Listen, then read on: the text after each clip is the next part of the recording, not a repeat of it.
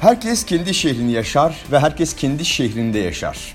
Diyor ya büyük şair Kavafis, bu şehir peşini bırakmayacak. Aynı sokaklarda dolaşacaksın ve aynı mahallede yaşlanacaksın diye. Herkesin şehri aslında kendisinindir ve ömrünce de peşinden gelir Kavafis'in dediği gibi. Gözünüzü açtığınız, ilk hayati reaksiyonlarınızı yaşadığınız yer neresi ise eviniz aslında orasıdır. Sizin eviniz orasıdır. Yani birey olarak sizin, kendinizin. Kurduğunuz ailenizle, efendim eşinizle, çocuklarınızla veyahut da aile bağ kurduğunuz, ailem dediğiniz dostlarınızla, arkadaşlarınızla yaşadığınız evden bahsetmiyorum. Bunu karıştırmayın. Kendi bireysel evinizden söz ediyorum. İşte o ev şehirdir. 3 yaşındayken üzerine ilk kez çöktüğünüz kaldırım taşıdır eviniz. Hatırladığınız ilk bakkal dükkanı ve onun kokusudur. İlk parktır. İlk otobüs durağıdır. Ama biraz da havacıva bu laflar. Onu söyleyeyim. Yani en azından bizim millet için böyle. Daha somut gerçeklere dönelim. Bu kadar yeter çünkü romantizm yaptığımız. Hava civa diyorum. Çünkü bizde şehir dediğimiz şey Kavafis'in anlattığı duyarlılıkta bir anlam pek taşımaz. Çünkü biz aslında şehirli yani yerleşik bir toplum değiliz. Hala da olamadık. Biz nomadız. Biz konar göçeriz. Biz göçmen kanı, göçmen geni taşıyoruz. Bizde yeni tanışan iki insanın birbirine ilk sorduğu soru memleket nere olur hep. Çünkü kimse aslında oralı değildir. Herkes bir yerlerden mutlaka oraya gelmiştir. Orada doğmuş olsa bile oralı değildir. Babası neresi ise oralı kabul eder kendisini. Babası da aslında doğduğu yerli değildir geriye dönüp baktığımızda. Kütük diye bir şey var ya kütük. İşte oralıdır herkes. Kadın evlendiğinde kütüğü kocasının kütüğüne taşınır. Erkek evlendiğinde kütüğü değişmez. Kütük. O kütüğün nerede olduğunu da aslında kimseler de pek bilmez. Özetin özeti diyecek olursak Anadolu bin yıllık Türk yurdu der geçeriz. Peki Kavafis'in dediği gibi bu şehir peşini bırakmayacak. Aynı sokaklarda dolaşacaksın. Aynı mahallede yaşlanacaksın dediği şey Kavafis'in. Her neyse o. Kimin için geçerli? Oralı olan için. Kendini oralı hisseden için geçerli bu durum. Peki siz oralı mısınız? Şu an her nerede yaşıyorsanız işte oralı mısınız? Bunu soruyorum. Orada mı doğdunuz? Yıllardır orada mı yaşıyorsunuz demiyorum. Oralı mısınız diyorum.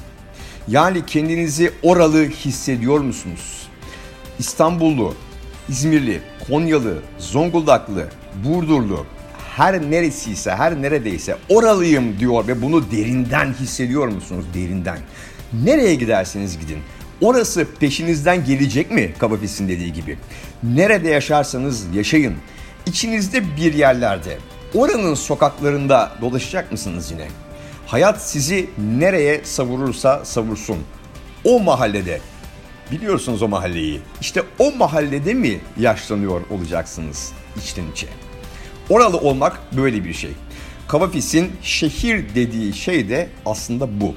O yüzden hava cıva diyorum bu laflar bizim memleket için. İşte o yüzden biraz hava cıva deyip geçiyorum. Kimilerinizin kafasını ütülediğimin de farkındayım için açıkçası ama bunu yapmak zorundayım. Birileri kafamızı ütülemek zorunda. Çünkü mevzuyu yerel seçimlere getireceğim. Ve konuyu epeyce de uzatacağım. Bu bölümde bitmeyecek. Çünkü bir demokraside en önemli şey mahalli idareler seçimleridir bana göre. Yani yerel seçimlerdir.